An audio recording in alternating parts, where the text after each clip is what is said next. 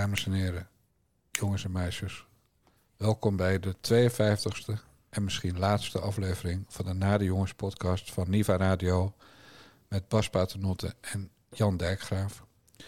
En omdat wij voor volledige transparantie zijn, doen we vandaag hetzelfde als bij de allereerste Nade Jongens podcast. U gaat getuige zijn van een vergadering over het voortbestaan van de Nade Jongens. Heb je er zin in, Bas? Nou ja, het is, uh, het, is, het is niet een hele leuke, blije dag uh, vandaag zo, hè? Laten we met stemmige muziek beginnen. Ja. There is no great big ending, no sunset in the sky. There is no string ensemble, and she doesn't even cry.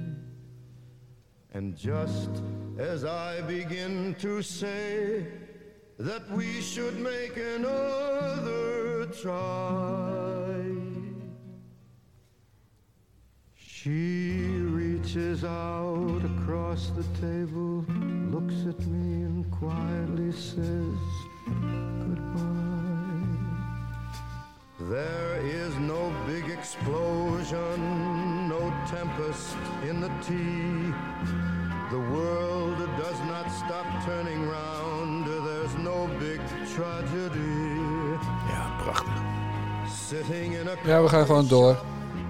Vinden de mensen mooi. cheesecake and some uh, apple pie. She reaches out across the table, looks at me, and quietly says goodbye. De tyfus ook ermee. Ga bijna janken, man. Ja, All Blue Eyes. Ja, dat is speciaal voor jou uitgekozen natuurlijk. Ja, Goodbye heeft hij nog opgenomen voor Capitol Records. De platenmaatschappij die hij groot heeft gemaakt. Als ik het goed zag in 1956 voor het eerst. Ja, ja, Toen was jij er wel, maar ik nog niet. Kutdag, Ja. ik heb helemaal geen zin. Nee. Kijk, ik voel me een beetje Twan van Peperstraten. Ja, dat zag, ik, eh, dat, dat zag ik in het draaiboek. Of althans in de aantekeningen die je mij stuurde. Ik zie, ik heb gewoon echt een hele slechte dag, joh.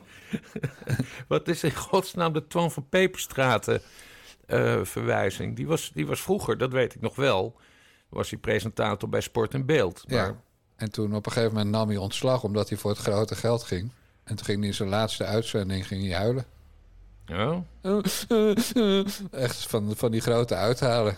Daar wordt En nu nog om gelachen in de sportjournalistiek. Treurig. Nee, wat doet hij nu? Waar zit hij? Ja, bij een van die commerciële, weet ik veel. Hmm. Ik weet het eerlijk gezegd. Maar weet je, Twan van Peperstraat en My S. Het gaat nu over de nare jongens. Ja. Agenda punt 1 was dit. De opening met muziek. Ja. In SGP-kringen zingen ze daarbij, maar heel zachtjes. Maar wij hebben gewoon naar Frank Sinatra geluisterd. Zullen we, voor we naar agenda punt 2 gaan, het geld... Zullen we, zullen we eerst nog wat andere dingen bespreken? Nou ja, eh, dat is wel een goed punt. Ehm, de Nare Jongens podcast. Hè? Wij zijn eh, een, een begripje. Maar er komt ook steeds meer, eh, ook steeds meer concurrentie. En er is nu zelfs een hele nieuwe omroep die Ja. vandaag... eh, Een gesubsidieerde concurrentie. een ge- precies. Ja, we, we gaan even de mensen die vanmiddag gewoon moesten werken tussen de middag. Die geen tijd hadden om naar NPO 1 te kijken. Of die sowieso dat geen televisie meer kijken. Gaan we even een klein stukje laten horen. Rusland erkent Donetsk en Lugansk als onafhankelijke republieken. De spanningen tussen Oekraïne en Rusland lopen verder op. Trudeau heeft in Canada met harde hand de coronaprotesten ten einde gebracht. Is hij hier niet te ver in gegaan? Dit en nog veel meer zijn de onderwerpen deze middag. Welkom Ongehoord Nederland. Welkom bij de allereerste uitzending van Ongehoord Nieuws.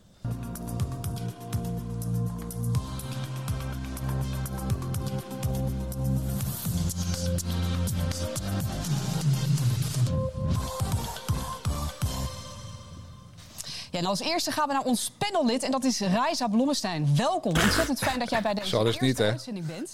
Eh Raisa, jij mag eh, als panellid... Die mevrouw met die omgekeerde glimlach. Jouw mening Ze is geven. verslaafd aan cola Eh, ook, vandaag hè? bespreken we Echt? met jou het Ja. opgebroken vrijheidsconvooi in Canada. Eh, dus grijp in wanneer je wil. Vandaag is ook bij ons de gast Pepijn van Houwelingen, Tweede Kamerlid voor Forum voor Democratie en initiatiefnemer van het Oekraïne-referendum in 2016. Wat vind jij van deze ontwikkelingen, Pepijn? Ja, ik heb een beetje geknipt, Bas. Het ging natuurlijk over het Oekraïne-gedoe. Eh, Eh, nee, even, over die, eh, even over die Raisa. ja, Zij is dus... eh, ze zit bij dat team van die Bart Maas. ja. in, in de council litigation nog wat, bla bla bla. En ze is rechtsfilosoof of zo. Eh, maar die opmerking over cola, dat was volgens mij vorig jaar. Toen, toen was, kwam het nieuws naar buiten dat Coca-Cola eh, een of andere woke-toestand ondersteunde. En toen werd ze helemaal woest. En toen ging ze twitteren van... eh, nou, ik drink, ik drink 10 liter cola per week. En, eh, maar ik no weet dat ik nog bij Coca-Cola ga kopen. Dat wordt Pepsi vanaf nu. Zo. Nou, ik drink ook iedere dag een heel klein blikje cola. Zo'n 250 milliliter blikje. Ja. Maar als je 10 liter cola per week drinkt... Dat, dat, kan, dat kan nooit goed zijn volgens mij. Nee. En was dat echte cola? Weet je dat niet? We begeven ons nu wel een beetje op het Kitty Herwijer en Elif Isitman pad. Nu we het over cola drinken gaan hebben. Ja, nee, maar goed, de- die Raisa Blommestein, die had, het, eh, die had het erover. Dat zal ik nooit vergeten. Dus ik associeer haar met haar, woede tegen Coca-Cola. Ja, daar zijn ze in Amerika ook heel erg, erg van geschrokken, denk ik. Dat ze dat Ja. destijds aankondigden. Nou ja, 10 liter per week, eh, 52. 520 Vijf- liter. 520 liter cola, joh. Ik denk dat ze overdreef. Ik denk het ook. Weet je hoeveel klontjes dat zijn? Dan zou ze er ongeveer uitzien als Asja ten Broeke. En dat Ja, is nou... Ik bedoel, je kan veel op haar aanmerken, eigenlijk alles... maar ze ziet er niet uit als Asja ten Broeke. Nee. Weet je wie de presentator was? Nou ja, dat is op zich wel aardig. Eh, dat is dus gewoon een Marokkaanse Nederlander of Nederlandse Marokkaan. Bovendien in een fucking rolstoel. Ja.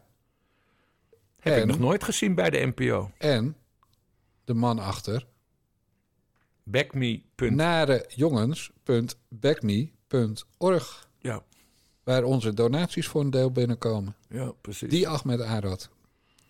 Ik, had ge- ik, ik ken Ahmed al een paar jaar hè, en ik wist dat hij veel dingen deed.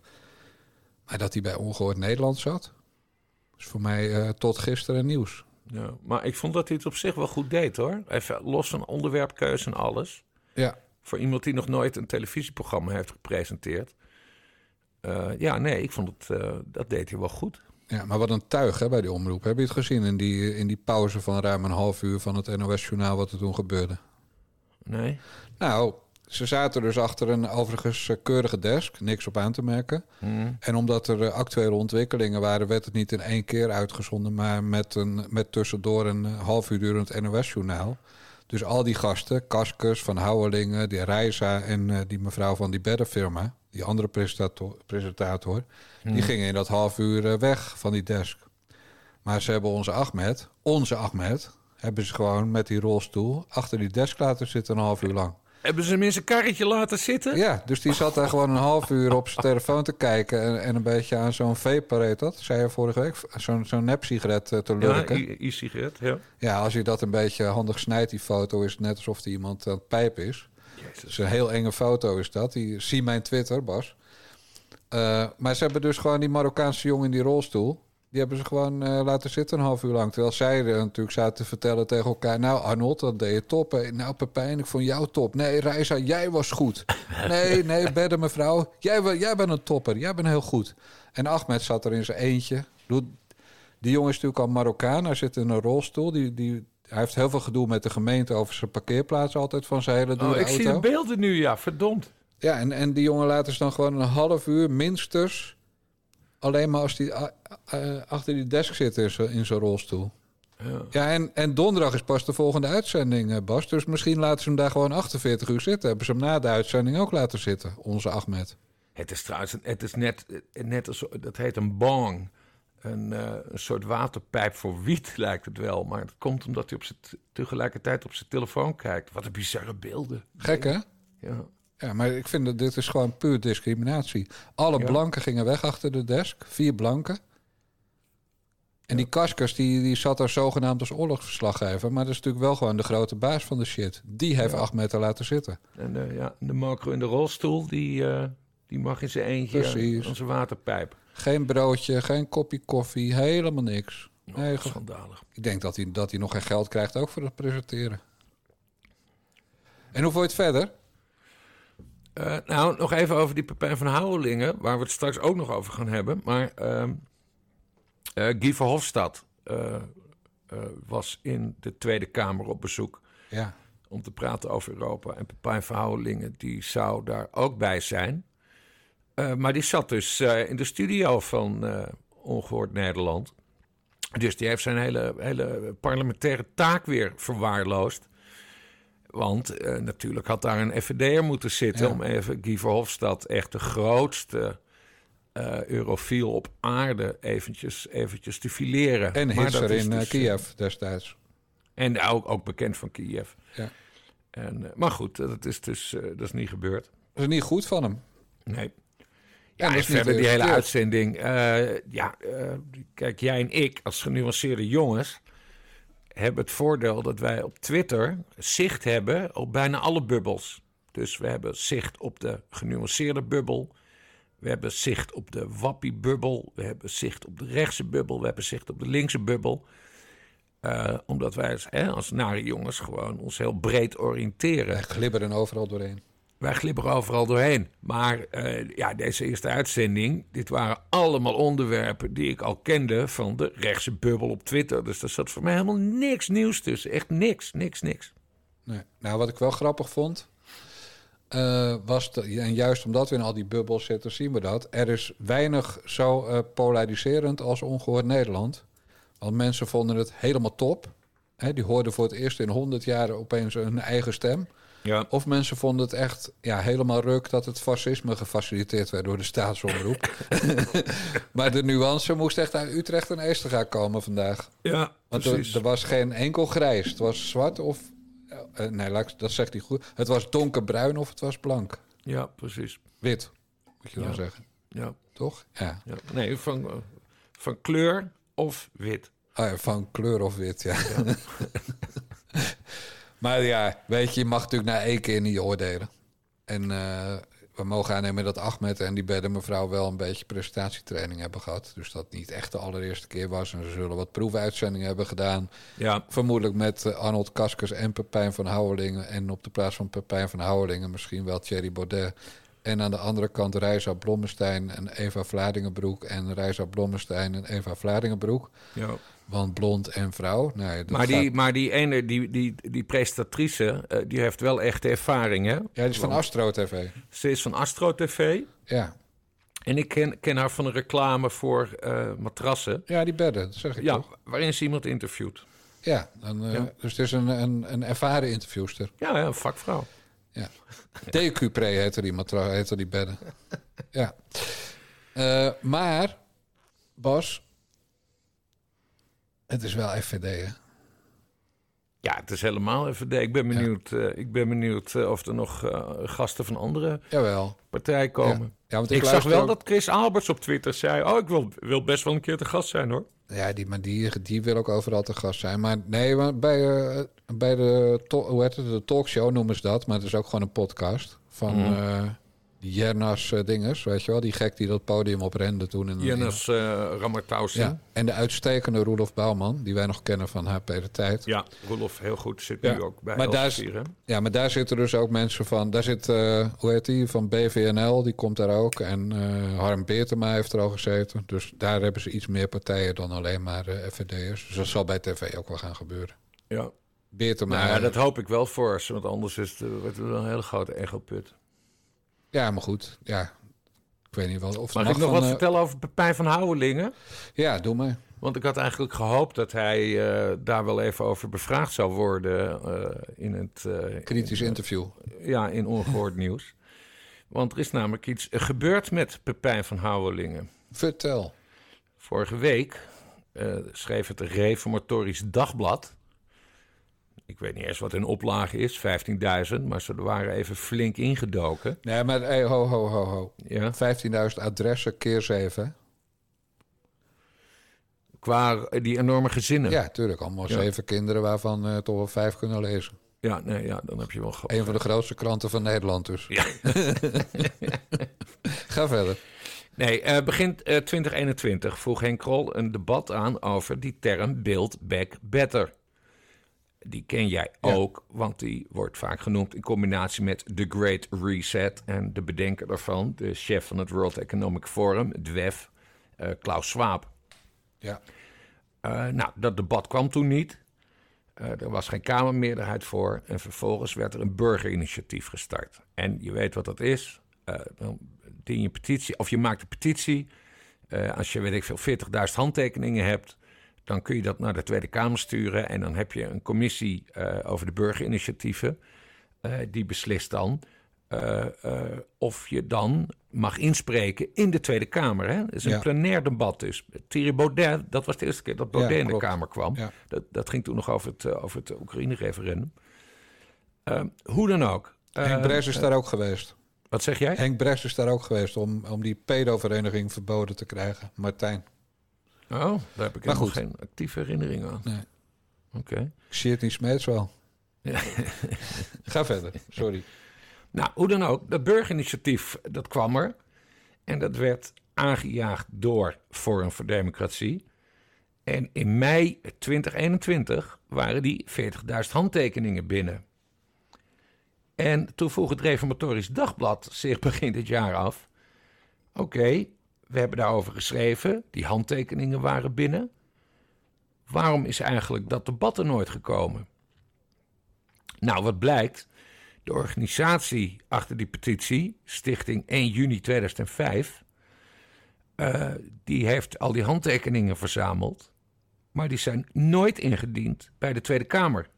Oh, Nu moet je eerst weten wie de penningmeester is van de Stichting 1 juni 2005. Dat is Pepijn van Houwelingen. ja, ja. Weet je in welke commissie Pepijn van Houwelingen zit? In de Kamercommissie Burgerinitiatieven. Die hierover gaat. die hierover gaat. En Van Houwelingen wil geen reactie geven tegen het Reformatorisch Dagblad. Omdat Dus wat is hier aan de hand? We hadden al een keer aangetoond dat Pepijn van Houwelingen een terugkeerregeling heeft bij het ministerie van Volksgezondheid. Destijds heeft hij die regeling gesloten onder verantwoordelijkheid van toenmalig minister van Volksgezondheid ehm, ehm, Hugo. Hugo de Jonge. Maar nu blijkt hij dus ook dat burgerinitiatief op een hele gekke manier geblokkeerd te hebben. Ja. Zou Pepijn van Houwelingen controlled opposition zijn? Ik stel alleen maar vragen. De vraag stellen is hem beantwoorden. Natuurlijk is hij dat. Ja, want je Ja, hoort maar het is toch raar? Want ze hadden dan eindelijk... Hè, want hij is, hij is continu kamervragen aan het stellen Ja. over, over het WEF. En daar is hij over aan het twitteren. Van, oh, kijk, ik heb honderd kamervragen gesteld. En dan, en dan in partjes van tien laat hij, die, laat hij de antwoorden zien. Ja. Maar een debat, hij heeft... Hij, heeft, Plenair debat. hij kan dat debat krijgen. Ja. Heeft hij allemaal, allemaal geregeld. 40.000 handtekeningen binnen. En dan geeft meneer niet thuis. Nee, ik snap het niet. Nee, dat kan niet anders dan controlled opposition zijn. Ja. Want het is ook geen mannetje, denk ik, die eh, zijn zaakjes niet op orde heeft. Nee, nou ja, apart hè? Ja, dit lijkt me een goede voor de volgende uitzending van Ongehoord eh, Nieuwscafé of Nieuws of hoe het ook heet. eh. Ja, ja, ik had dus gehoopt dat ze daar vragen over zouden stellen. maar ik weet zeker dat onze Ahmed luistert hoor. Ja, Want die pakt 10% van wat wij aan donaties binnenkrijgen via nadejongens.backme.org. Dus die, die weet wel waar, eh, wie de mannen zijn die voor hem het geld, grote geld binnenbrengen. ja precies. Dus Toch? eh, Ahmed, Ahmed, Ahmed, Pepijn van Houwelingen even opnieuw uitnodigen... en even vragen hoe dit zit met dat... al die eh, faalhaasdingen. ja, Ik denk dat we dit wel aan Ahmed kunnen overlaten. ja, heel goed. En anders gaan we naar Petje af. Ja. Petje op, hoe heet dat? Petje, Petje weg. Bert Brussen zit. Ja. Hoe heet dat? Weet je Nee, dat? petje af heet het. Petje af, oké. Ja. Nou, mooi. hey, eh, geld of, of, of kijken we nog even terug? Nou, laten we het dus... eh, het is vooral het, het terugblikken is het thema van deze aflevering. wel, hè, ik denk ik. Ja. Ik, wil, ik wil dan beginnen met wat ik het hoogtepunt van het hele jaar vond. Ja, Is dat goed? ja. Ja, hallo Fonda. Ik ben erg blij dat je lid van de Tweede Kamer gaat worden. Eh, We hebben daarover gesproken in het verleden. Ik heb je toen aangemoedigd om deze stap te zetten. En eh, dat doe je nu. Dus ik kan alleen maar blij zijn eh, dat je een nieuwe volksvertegenwoordiger zult worden. En ik eh, ben er zeker van dat je dat heel goed zult doen. Helaas voor de verkeerde partij. Maar goed, je kunt nog niet alles hebben. Eh, maar tot, tot, tot nu toe eh, ha- hartelijk, hartelijk gefeliciteerd. En eh, tot, eh, tot gauw hoop ik. Want ik ben natuurlijk erg geïnteresseerd in het werk van een andere partij. En dus dan ga ik je daarover ondervragen. Goed, tot ziens, het allerbeste. En tot gauw. Ja, dag hoor. Frits Bolkestein, eh, ooit het gezicht van de VVD. En die hebben we toch wel, eh, ja, we hebben hem wel zijn speeltje afgenomen dit jaar, denk ik. Samen met eh, Wilders. Beetje TPO, beetje geen stijl. Ja, nee, dit gaat natuurlijk over de Soumaya-kwestie. Maar eerst over dit fragment. Dit, dit fragment, dat vond ik eigenlijk het, het ergste van alles. Omdat de, man klinkt er zo kwetsbaar. Ehm, eh, ik heb je toen, hè, we hebben toen ook contact gehad met, met vrienden en kennissen van, van Bolkestein... die er ook helemaal niks over kwijt wilden. Omdat het allemaal zo pijnlijk is. Ja. Nee, dit fragment, het, het gaat echt door merg en been. Het is een man die overduidelijk niet meer compasmentus is. Ja. Waar misbruik van wordt gemaakt. En eh, nee, ik, dat vond ik eigenlijk het aller, allermeest trieste aan deze hele affaire. Nee, dat ben ik niet met je eens hoor. Maar goed, Nee. even voor de mensen die het gemist hebben. Dit, dit filmpje is opgenomen door Soumaya Sala, de Hofstadgroep terroristen. Dat is ook de, de mevrouw die je hoort lachen op het eind. Klonk als uitlachen, zeg ik er maar meteen bij. Kan ook zijn dat ze blij was dat ze voor de zus een filmpje kon maken. De zus werd en is tijdelijk Kamerlid voor D66, vervangt een zieke. De zus is een mevrouw met een hoofddoek. Die zus is, eh, voor zover bekend, eh, ge- gewoon moslim met hoofddoek, niet geradicaliseerd. Maar Soumaya Sala werkte dus voor de VVD op instignatie van Bolkestein, die er overal mee naartoe sleepte.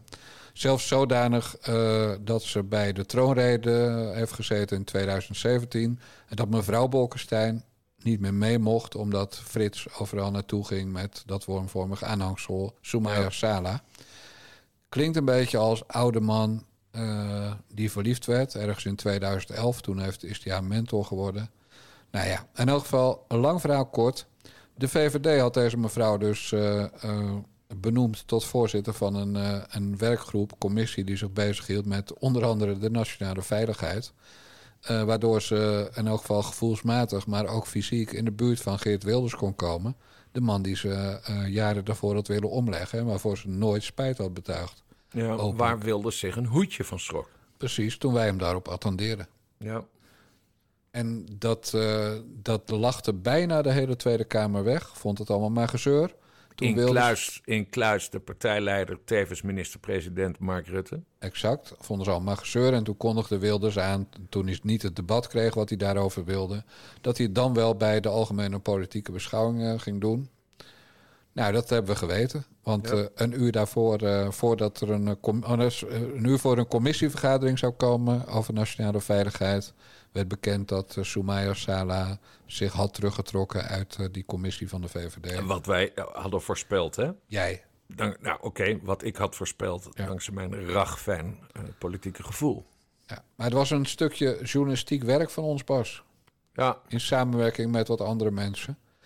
En het eh, allerleukste vond ik, want wat ik het meest dramatische vond, was, was Bolkestein zal mij verder jeuken. Ik heb die man nooit ontmoet. En, en op een gegeven moment moet je achter de geraniums, hè, als het niet meer gaat, eh, fysiek of mentaal. Nou, dat is duidelijk, dat geval.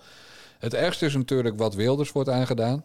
Dat, dat ook eh, op zijn eigen werkplek, de enige plek waar hij geacht wordt veilig te zijn, het dus minder veilig was dan hij dacht. En dat de hele Tweede Kamer bijna dat wel prima vindt. Niet zeurigeert, eh, die houding. En, wat ik ook heel verschrikkelijk vond, was de houding van de media.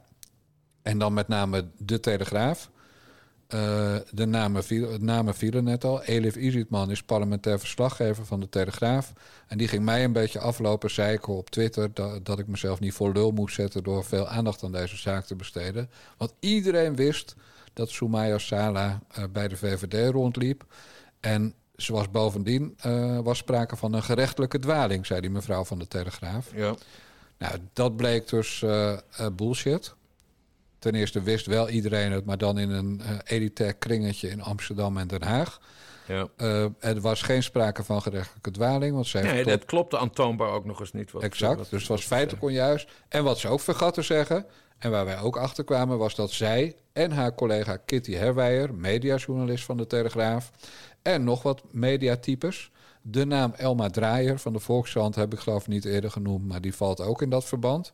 Eh, maar dat die ook allemaal bevriend zijn met Soumaya Sala en in een of ander leesclubje met haar Ja, zitten. en, da- en dat was leuk, hè, want we hebben meerdere afleveringen hebben we ervan over gemaakt. Ja, En na die eerste aflevering kregen we ook steeds meer informatie binnen. Dus dat, Precies. ja, dat vond ik wel leuk aan, eh, aan toen we, toen Ja. we de podcast maakten. Ja, dat is een beetje wat de Vlieger en Geiraat nu meemaken met de doofpot MeToo-affaire bij de persgroep. Ja. Eh, waar al die hoofdredacteuren ook een, een affaire onder de pet hielden. Terwijl ze sindsdien iedere MeToo-affaire helemaal uitmelken. En dan vooral die van eh John de Mol. Ja. Ja, dan blijkt dat de bazen van de persgroep eh, precies zo hebben gehandeld als John de Mol. Maar dan nog erger, want deze wisten het wel.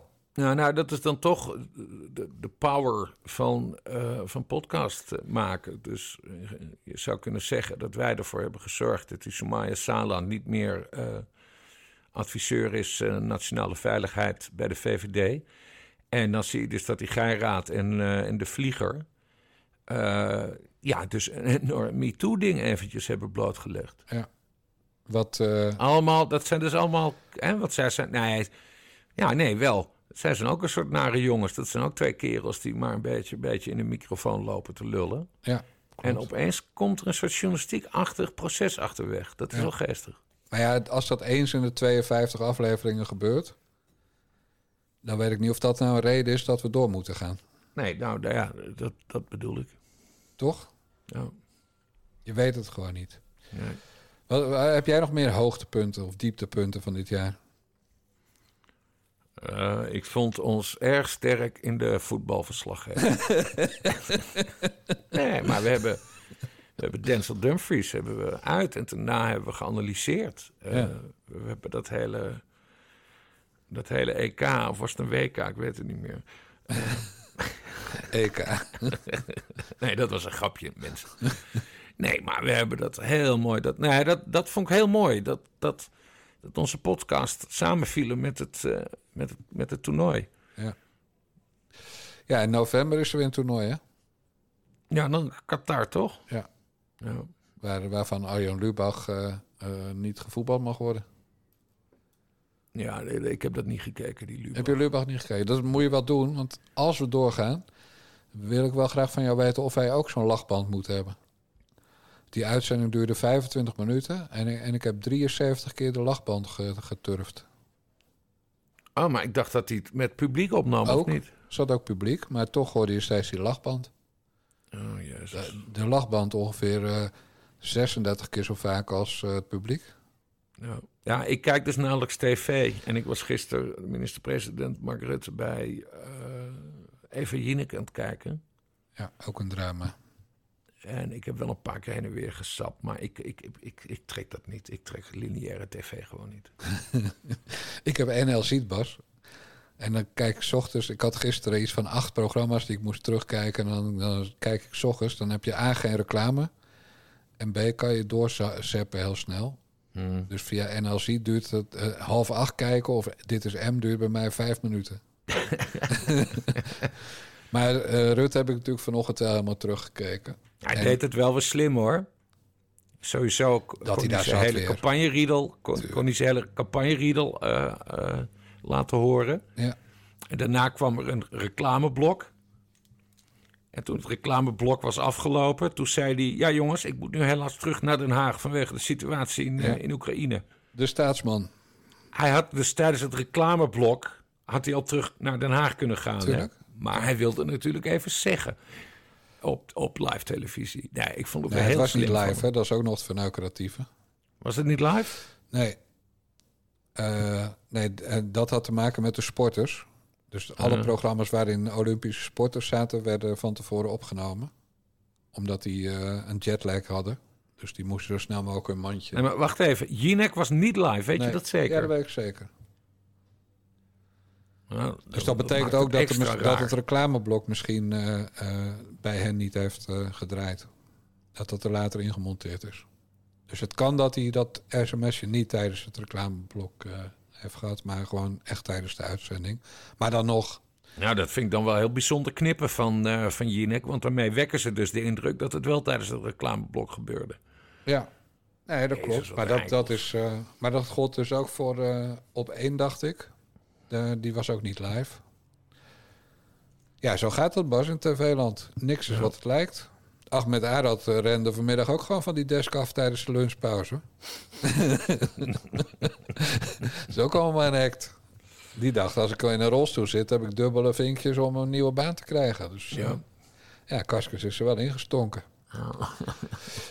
Nee, maar dat is gelul. Maar eh, nee, Rutte deed het vanuit zijn perspectief goed. Jinek deed het vanuit haar perspectief eh, matig tot slecht. En het ergst waren natuurlijk die cabaretier-achtige types, die pannenkoek en zo.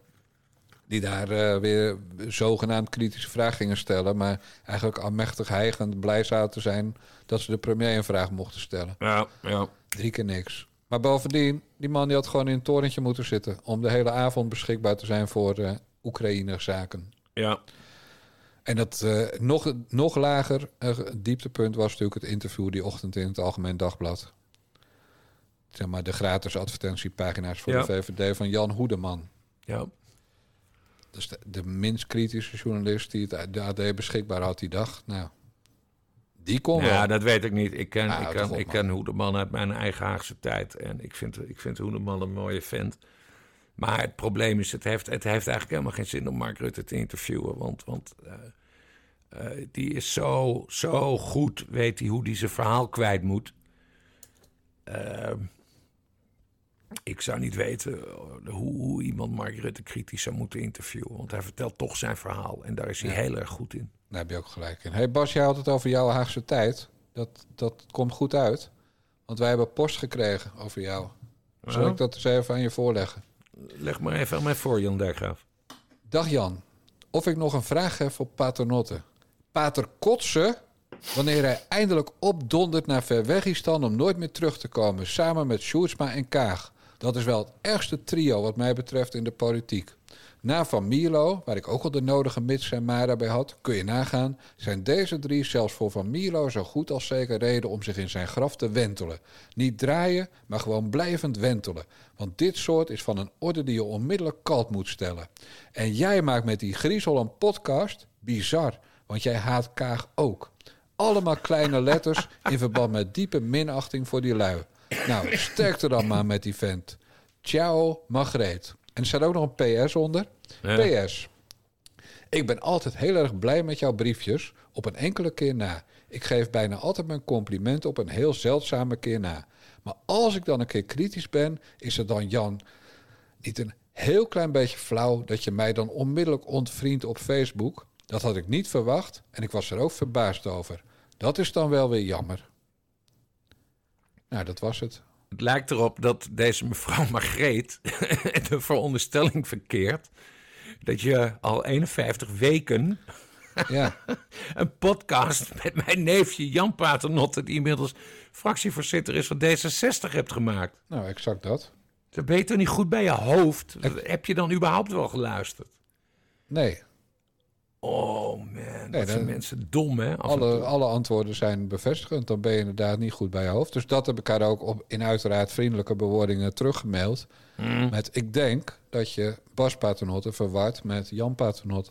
Ik kwam daar nog een reactie op. Ja, schaamrood overal. Maar daar hoefde ik allemaal geen foto's van. Ja. Erg, hè? Ongelooflijk. Moet je even hoesten, dan, eh, dan doen we een plaspauze voor Ja, jou, ik ben, nee, ik ben, ik ben geëmotioneerd. Het is een Ja. hele emotionele aflevering. Jij bent gewoon 51 afleveringen je best aan het doen. En, nog altijd, en zelfs dan word je nog verward met Jantje Paternotte, je Ja, neefje. echt. Zeg maar, het zwarte schaap van de familie. Over zwarte schapen gesproken, Bas. Ik zat bij Volt in Utrecht, heel mooi. Hoger opgeleide clubje, hè? allemaal mensen, allemaal adviseur. Ik heb de stem niet hoger gemaakt, hè? Het is echt. We- zo we klinkt graag verbreden, zegt Volt. We moeten niet zo'n hoger opgeleide club zijn. Ik denk, de eerste, al heel interessant, wordt heel vaak gezegd. Ik denk meteen, hmm, dat is een beetje moeilijk met deze standpunten. we Maar ze denken er wel over na, dat is toch goed? dat is Dat goed. Er over na, is goed. We hebben allemaal David van Rijbroek gelezen. Het is allemaal zo, allemaal zo saai. Het is elke keer hetzelfde, hetzelfde boekje. We moeten meer burgerpanels. Want de burger kan dan zijn mening geven. Krijgen de burgers echt weer zeggenschap. Ja, nee, maar de- deze, ja, maar hoe jij nu kijkt, zo zit ik ook. Maar dan denk ik, dat is dus het meest, het meest interessante is... Dit weten kwalitatieve onderzoekers. Wat, wat, wat, wat zich herhaalt, dat is belangrijk. De rest is niet belangrijk. Het gaat om de herhaling. Dat dit elke keer gezegd wordt. Dus ik denk, oké, jullie willen dus de mensen... Nou, dat is op zich... Ik, ik ben altijd tegen burgerpanels, zeg ik eerlijk. Maar oké, goed. Dit is een... Dit zou met Burgers elkaar- hebben geen tijd, ze komen amper rond. al deze, al deze dingen. Dus, dus dit waar heeft iets- dus het klopt ergens niet. Maar goed, oké, jullie willen burgerpanels en verbreden, prima. Dan komt daarna komt een nieuwe doelstelling. Gaan we doelstelling 3. het klimaat moet gered worden. Nou, daar Eens. denk ik, nou, ben ik ook voor, dus dat scheelt ook. Ehm, en dan zeer alarmistisch, binnen acht jaar, want anders gaat alles mis. Nou, je bent mij kwijt, maar oké, goed, je kunt dit Het vinden. is eh, binnen 30 jaar, maar goed. Oh, dit is met Osdeel. Ik hoor het Osdeel nu pas. Ja. Ja, maar laten we, laten we die eh, maar even laten zitten. Eh, want daar hebben wij natuurlijk een fout mee gemaakt. En dan moet Zo je... hebben wij een fout gemaakt met Osdeel. Nou, hij had gelijk dat hij die Sibren Kooistra van GroenLinks negeerde... toen hij hem beschuldigde van seksueel ongewenst eh, gedrag. Oh ja, want toen hebben wij Osdeel nog opgeroepen van... je moet hier antwoord op geven, anders Pak blijft het aan. je plakken. Maar dat is dus niet gebeurd. Nee, die Sibren Kooistra die is dus zo irrelevant... zelfs binnen de kringen die een hekel aan Usdeel hebben... dat, dat niemand het heeft opgepakt, behalve Ja. wij. Dus eh, excuses aan Usdeel voor mijn briefje daarover... en dat wij het eh, een verkeerd advies hebben gegeven. Zo Ja. moeten we ook zijn. Maar goed, dit was dus Chris Alberts... voor de mensen die alleen zijn stukjes af en toe voorbij zien komen... en die tweets van hem. Eh, en een van de dingen waarom ik, waarom ik eigenlijk helemaal geen zin meer heb om door te gaan met die Nare Jongens podcast, is dat jij godverdomme elke week reclame voor die galbak loopt te maken. Ja, Waarom? nee, maar Chris Alberts is gewoon heel erg goed bezig. En, ik zal, en dat heb ik vaker uitgelegd, maar ik ga het nog één keer heel helder uitleggen. Chris Alberts zoekt een onderwerp uit. Hij heeft dat gedaan met de Europese Unie. Hij heeft dat gedaan met Forum voor Democratie. Hij doet dat nu met Volt. En Chris Alberts is dan echt, die bijt zich vast. Dus hij heeft nu alweer, weet ik veel, honderd afleveringen over Volt geschreven. En wat blijkt eruit? Dat het een enorme kutpartij is. En dat hebben we ook gezien met die mevrouw eh Eh, alles wat, wat Chris Alberts eh, opspringt, dat, dat, dat ontleedt hij. Eh, hij. Hij trekt het hele binnenwerk eruit en laat dan het werkelijke gezicht zien. Hoe vies voor Democratie is. En nu hoe vies Volt in elkaar zit.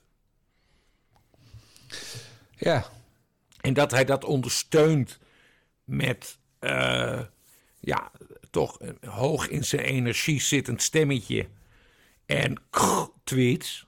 Ja, daar zeg ik ook wel eens van tegen Chris. Nou, moet dat nou allemaal zo filijn? Maar als je, als, je, als je puur naar de inhoud kijkt, ja, is hij gewoon lekker bezig. Nee, ik ben fan van eh, Chris Alberts. maar jij Al zegt dus eigenlijk van Volt en, en daarvoor, eh, wat deed hij daarvoor? Oh, Forum, dat, zijn eigenlijk een, dat is eigenlijk een hoop stront. Ja, En, en, maar- wacht even, even Ja. de vergelijking afmaken. En Chris Alberts is die strontvlieg die op die stront gaat zitten. En dan zeg jij, wat een leuke vlieg. Ja, maar hij is daar gewoon heel goed in. Hij heeft over de Europese Unie heeft hij een, een, een serie van meer dan 400 afleveringen geschreven. En wat is er verbeterd? Nou, eh, tijdens die serie werden we aangeklaagd door de Europese Commissie omdat Chris nepnieuws eh, verspreid zou hebben. Alleen daardoor eh, kon hij al laten zien hoe ziek die hele club is daar in Brussel en Straatsburg. Omdat wij, het, hè, wij gingen toen als TPO en geen stijl en Volkskrant met z'n drieën notabene, kun je nagaan. eh, eh, besloten wij naar de rechter te stappen. En uiteindelijk heeft de Europese Commissie die beschuldiging van nepnieuws moeten intrekken. Omdat wij gewoon gelijk hadden. Ja, dat is het Chris Alberts effect. Voor mij is Chris Alberts effect wat ik net hoorde tegen die Usdeel. Burgers uh, moet hij niks van hebben. Ja, Burgers maar- zijn dom. Ja, ja, ja. Maar ik ben, ik, ik ben een mannetje van de inhoud. Ik beoordeel hem op zijn artikelen en op zijn series. Kug. En dat er met zijn presentatie eh, dat dat nog enige verbetering behoeft. En dat, weet hij, dat heb ik ook tegen hem zelf gezegd, want ik heb wekelijks contact met hem. Eh, daar zijn we het over eens. De presentatie moet beter, kan beter. Maar inhoudelijk heeft hij het altijd bij het rechte eind. Hij, hij, en niemand, er is geen journalist in Nederland die werkt zoals Chris Alberts. Nee, vind het gek? Die een serie, meer dan 400 afleveringen over de Europese Commissie maakt. Dat is nog nooit gebeurd. Ja, dat is hoe Chris Alberts werkt. Toen dat hij heeft hij begon gedaan aan- met Forum voor Democratie. Daar rolt dan vervolgens een boek uit. Nou, nu is hij bezig met Volt. Ik sluit niet Ook weer een uit boek? Dat, ik sluit niet uit dat, dat dat ook een boek wordt. En dat, dat Volt heel slecht gaat scoren tijdens de gemeenteraadsverkiezingen.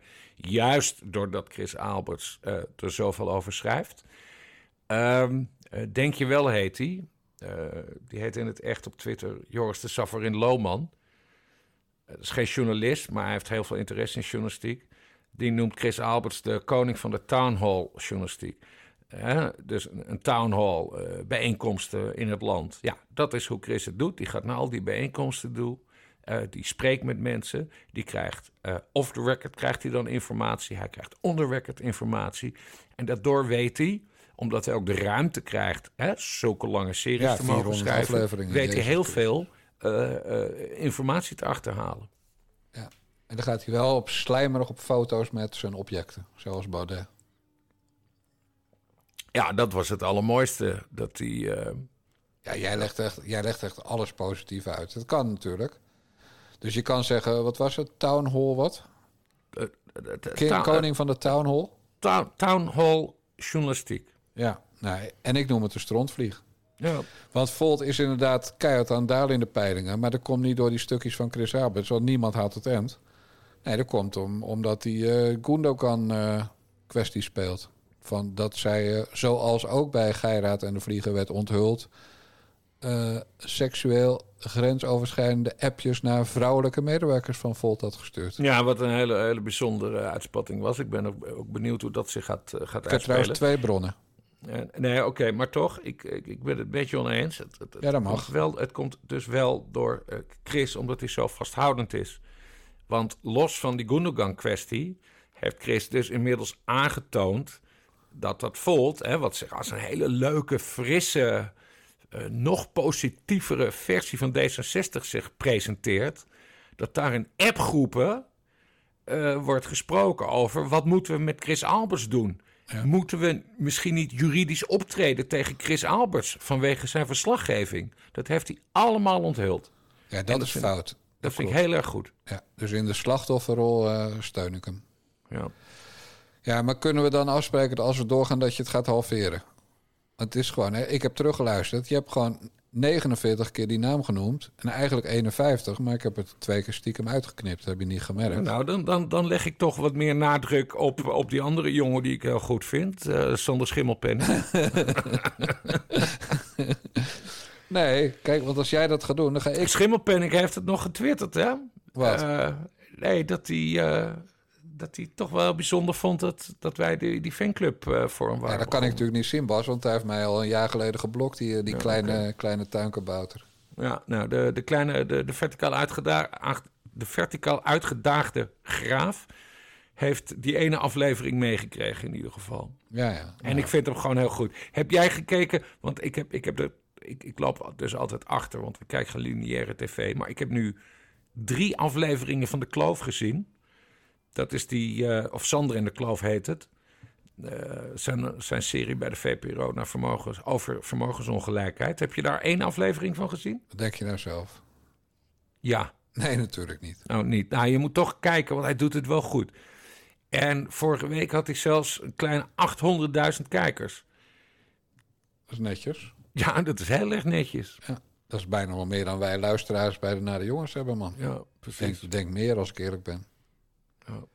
Nee, dat is fijn. Eh, kijk, ik ben toch secretaris van de Sander Schimmel Penning Fanclub. Dus ja, ik, ik, dat vind ik minder echt dan Chris Alberts. Want als jij een Chris Alberts fanclub gaat beginnen, ja, dan, dan, dan berg ik je echt op eh, in Panassia, heet dat zo? Nou ja, zo'n zo'n ding in de duinen of in de bossen waar ze Ja. achter een cijferslot zit. Mm. Maar de Sander Schimmelpenning fanclub, ja, dat is natuurlijk helemaal prima. Nee, maar Chris heeft dus geen, geen fanclub nodig. Dat is het mooie, omdat hij... Als er een fanclub is, dan gaan mensen halverwege zeggen... eh, eh, we willen onze contributie terug. Want, want Chris heeft iets stoms gezegd. Ja. Heeft hij eigenlijk een man? Weet ik niet. Ja, weet ik niet. Kijk, van Schimmelpenning weten we alles. Je bent fanclub eh, of niet. Ja, nee, maar Schimmelpenning is er hele open over. Die heeft een vrouw in eh Ja, jij weet dat wel, Bas. Jij weet toch wel of, of de, de enige medewerker van TPO... waar je elke week blijkbaar mee, mee borrelt of belt... weet jij toch wel of die een man heeft? Ja, nee, natuurlijk weet ik dat. Maar, Nou. eh, nee, maar dat ze, als Chris daar niks over zegt, zeg ik er ook niks over. Ik vraag het toch niet aan hem? Ik praat Ja, helemaal nee, niet met die nou, man. ik zeg er niks over. Is er dan voor gelul?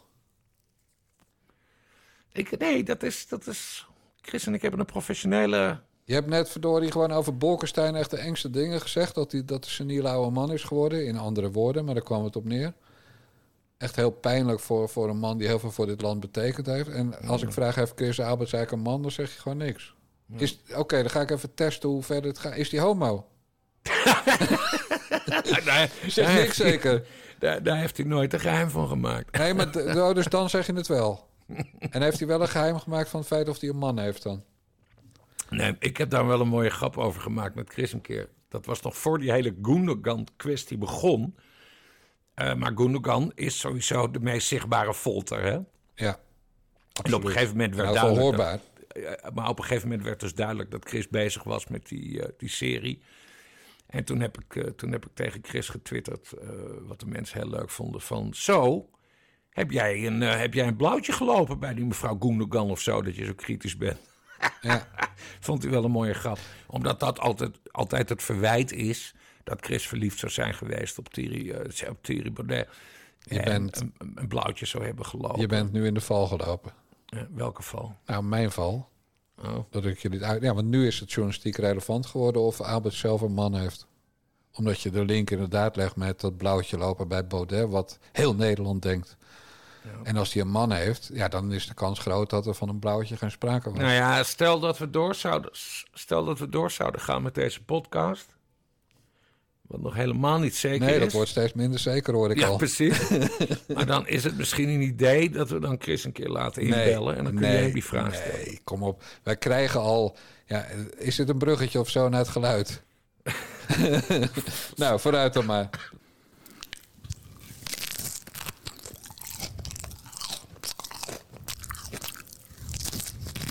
Jij herkent het wel natuurlijk. Ik heb geen idee waar ik naar luister. Nou, naar, naar wat de grootste kritiek is op de Naar de Jongens podcast vanaf aflevering 1. Toen Nou, maar echt, tijdje- aflevering 1, Jan, dat was zo mooi kut gewoon. Er, er zaten bizarre... Je had fragmenten en er, daar kwam dan een soort copyright-melding doorheen. Geen verder, idee, ik deed luister mijn micro- terug. verder deed mijn microfoon het niet. Dus toen hebben we het met mijn telefoon gedaan. En, en jij had wel een microfoon. En het was één grote bende. En we kregen, we kregen het, de, de aflevering daarna... kregen we het geluid nog steeds niet goed. En toen heb je een heel ingewikkeld mengpaneel gekocht. Waarvan je niet precies hoe, wist hoe het werkte. Ja, ga verder. En ik weet nog dat er iets mis was met mijn koptelefoon. Want daar zat, die heb ik dus inmiddels vervangen. Maar mijn koptelefoon, die had ook een microfoon. Waardoor echt alles, ik alles dubbel hoorde. En, en de luisteraar volgens mij ook. Nee, al die mensen. Ik, ik ben wel heel blij. Want we hebben van dag één, gingen mensen wel geld overmaken. Maar die zetten dan in hun mededeling bij Ja. Bunk. Van, eh, nou ja... eh, ik, ik hoop dat jullie het geluid beter krijgen. Dus hier, hier heb je een tientje. Ja, Nee, dat was echt heel, heel kut. Maar we zijn eruit gekomen. ja maar Ook dat vindt dus niet 30 iedereen. Dat vindt dus niet iedereen. En, en daar wilde ik het dus over hebben. Hmm. Ik, ik kreeg namelijk ook weer post daarover. Van Oh, ene. Martin. Even voorlezen. Ja. Beste Jan en Bas. Ik wilde eigenlijk niet reageren, maar je daagt me nu als luisteraar al een paar keer uit. Dus bij deze. Als eerste. Hij bedoelt ten eerste. Jullie content is geweldig. Het concept van nare jongens en daarmee de vrijbrief om zeer scherp te zijn werkt prima.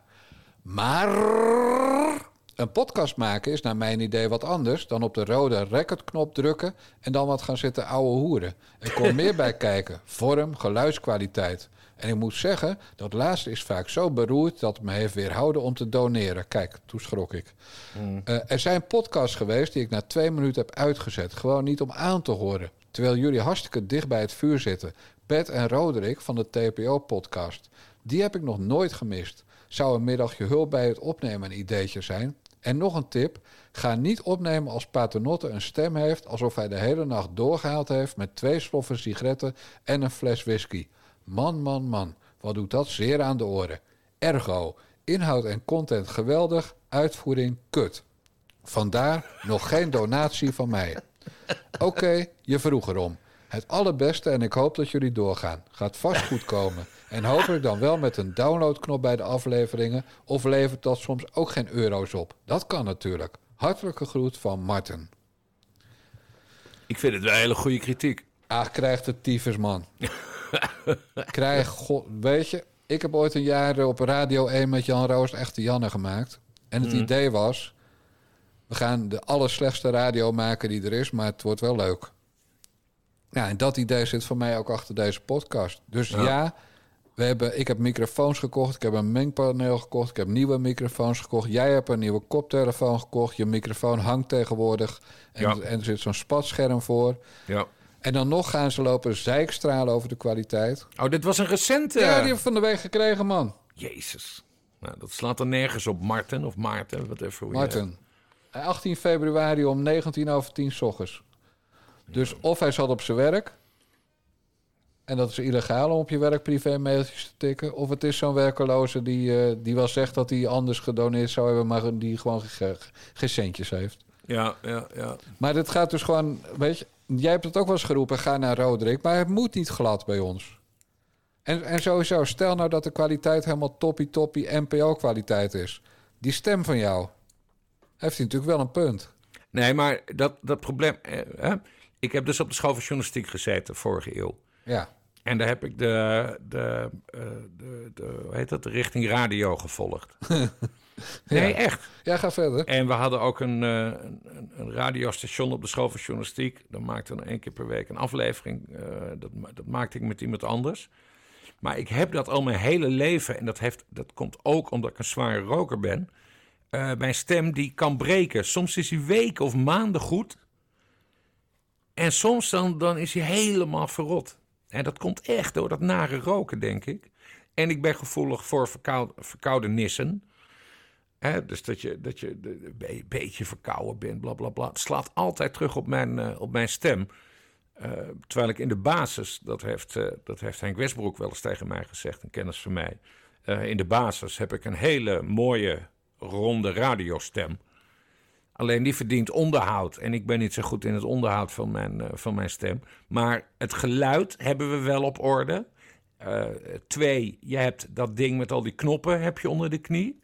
Ik vind dat wij het hartstikke goed doen inmiddels. Ja, nou, deze gozer dus niet. En, Nee. en dat betekent dat hij dus niet gaat doneren. En dan krijg je toch goed te smoren in, of niet? Nou, je hebt die naam genoteerd, hè? Als je wel gaat doneren, gewoon terugstorten. Ja, hè, vind ik ook. We, Ja. moeten ze, we willen zijn geld gewoon niet meer. En dat geldt ook voor die Margreet die jou zat af te zeiken. Ja. Steek het in je reet. Nee, maar die is te dom. Dan ben je gewoon te dom om ons te volgen. Als je echt denkt dat Jan Dijkgraaf al een klein jaar een eh, podcast met de fractievoorzitter van D66 aan het maken bent, dan, ja, dan, eh, dan ben je niet goed bij je hoofd. Nee, dat klopt. Nee. nee, maar goed, hij gaat toch niet doneren. Want ja, weet je, door zulke mailtjes denk ik, steekt die hele podcast in je reet, man. Het is, het is, het is zo'n, zo'n gast die dan eh, naar een politicus gaat tweeten van... Nou, ik, ik was eigenlijk voornemens op u te stemmen. Maar wat u vandaag in de Tweede Kamer zei... Nou, u hoeft niet meer op mijn stem te rekenen. En dan echt met zo'n zo'n harde ente gooien ze hem erin. Ja. En dan denken ze echt dat ze iemand hebben gekwetst. Nou, en, dan, fuck you all. en dan gewoon 300 woorden, hè? Dus niet Ja. even een kort mailtje met eh, inhoud, top, geluid, kut, mazzel. Nee, gewoon zo'n hele lulverhaal. en dan jouw stem ook. af. Altijd moeten ze jou hebben, Bas. Ja, dat- ik ook geen vrije stem heb. Weet ik echt wel. Ik vind het wel zielig Nee, maar voor goed, waarom, kijk, eh, jij bent die eh, Jan Dijkgraaf met briefje, die gaat er hard in. Maar ik ben, ik ben Bas de genuanceerde. Ja, dat klopt. Ja, en nuance, dat mag niet in dit land. Nee, dat zal het zijn. En dan gaan ze dat afreageren op je stem. Ja. Dat is bij Bert Brust ook altijd zo geweest. De nuance zelf, dan gingen ze over je stem zeiken. Ja, dat is toch zo? Nee, je kan wel lachen, maar we naderen het eind, paternotte. We hebben al 55 minuten opgenomen, joh. Ja, we moeten maar eens even conclusies gaan maken. Nee, nee, nee, nee, nee, Oh. nee, nee. Eh, want ik wil ook naar jou toe nog een statement maken... van als ik überhaupt overweeg om door te gaan... dan is dat wel op bepaalde voorwaarden. Mm. En omdat jij de nuance zelf bent... en allemaal van die, die linkse ook vrienden hebt en vriendinnen... Mhm. ja, dacht ik van, ik kan het wel zelf zeggen hoe het zit... maar ik kan ook eh, mijn vriend Johan het woord laten doen... en dat lijkt mij beter. Dus eh, even luisteren naar Johan Derksen. En goed luisteren, alsjeblieft. Die Sunny Bergman, ik ken die mevrouw niet... maar die heeft van de daken geschreeuwd dat dit programma moest van de buis. Adverteerders mochten niet meer bij ons adverteren. Je zegt, we, waren, maakt er allemaal niet uit te laten. we waren racisten. En Sunny Bergman... Een half jaar later staat er een interview in de Varagids. En ik lees dat en daar zegt ze dat ze ons programma nog nooit gezien heeft. Die had al haar wijsheden, had ze van social media. Ja. En dat doen heel veel mensen uit die woke-beweging. Die reageren op een bericht op social media. De volgende weer, de volgende weer. En de laatste heeft een verschrikkelijk verhaal... maar ze hebben daadwerkelijk het programma nooit gezien. En als die mensen de sfeer gaan bepalen in Nederland... ik zou je vertellen, ik ben 73 jaar... ik heb de centjes niet echt meer nodig... Ik ben in die 60 en 70 jaren opgevoed en eh, een vrij leven gehad. En ik blijf gewoon mezelf. En ik heb volkomen lak aan de hele woonbeweging. En ik blijf gewoon zeggen hoe ik erover vind. Ik ga niet anderhalf uur in Drenthe hierheen rijden Ja. om met meel in de mond te praten. Ik ben natuurlijk nog lang geen 73, ik ben 59. En, ik, en, en ik rij helemaal niet naar je toe, want eh, wij doen dit eh, op afstand. Ik in Eestega, jij in eh, Utrecht. En ik heb de centjes van de podcast niet nodig, want ik heb nog andere centjes die binnenkomen van ander werk. Maar verder, ja, ik herken me zo in dit verhaal. Ik wil gewoon grappen kunnen blijven maken over vrouwen, over homo's, over eh, zwarte pieten, over ne- negers. En als dat niet meer kan, omdat jij eh, toch wil, wil slijmen bij al die wokies, ja, dan is het gewoon klaar. Ja, dan zit je nou dom te lachen. Ik ben helemaal niet aan het slijmen bij Wokies. Wat zullen we nou krijgen? Nou, ik kan geen naam van een wokie noemen of, of je kent ze. Je hebt er wel eens contact mee. Je bent ermee bevriend op, op Twitter. Ja, maar ik ken iedereen. Dat is, dat is, dat is Ja, altijd maar je bent ook goed met iedereen. Nee, ja, maar dat, dat komt. Ik ben een hele betrouwbare journalist. Ik heb nog nooit iemand verneukt. Nee, maar die lui gaan jou wel bewerken het komend jaar als wij doorgaan. Dan is het, Bas eh, moet wel wat aan die dijkgraaf doen. Die maakte een grapje over homo's en die, die zei iets seksistisch en die, die noemt zichzelf blank. Ja, maar alsof ik daar ooit, voor, eh, ooit gevoelig voor ben geweest. Nee, dat niet. Nee. Ja, dan, dan gaan we wat mij betreft nu over naar agenda. Nee, ik wil er nog even over, Ja. over, over, over, over wat Dirkse zegt over die centen. En wat jij zegt over die centen. Want daar, daar moet geen misverstand over bestaan. Eh, eh, hè, dat, jij met je uitgeverij en je, en je, en je, en je, boek over de meilandjes en zo, eh, weet ik veel, inmiddels een miljonair bent. Nee, lang niet. Nee, maar ik verdien dus helemaal geen zak, hè? Ik, ben, ik moet gewoon van 's morgens vroeg tot 's avonds laat stukjes tikken. Jij hebt eigenlijk een financieel belang bij dat we doorgaan. Nou ja, dat zou... dat- dat- dat- Ja, agenda punt 2, het geld. Laten we het maar gewoon aanpakken. Vertel het maar dan, dat geld. Nou, ik, ik, heb, ik heb het daar met jou eh, afgelopen week over gehad. En we waren beide enigszins eh, ontroerd. Er is een meneer, RB zijn zijn initialen. die heeft ons een bedrag overgemaakt. We zullen dat, dat niet noemen, dat bedrag. Maar hij had in zijn begeleidende tekst... bij de eh, over, overmaking naar Bunk...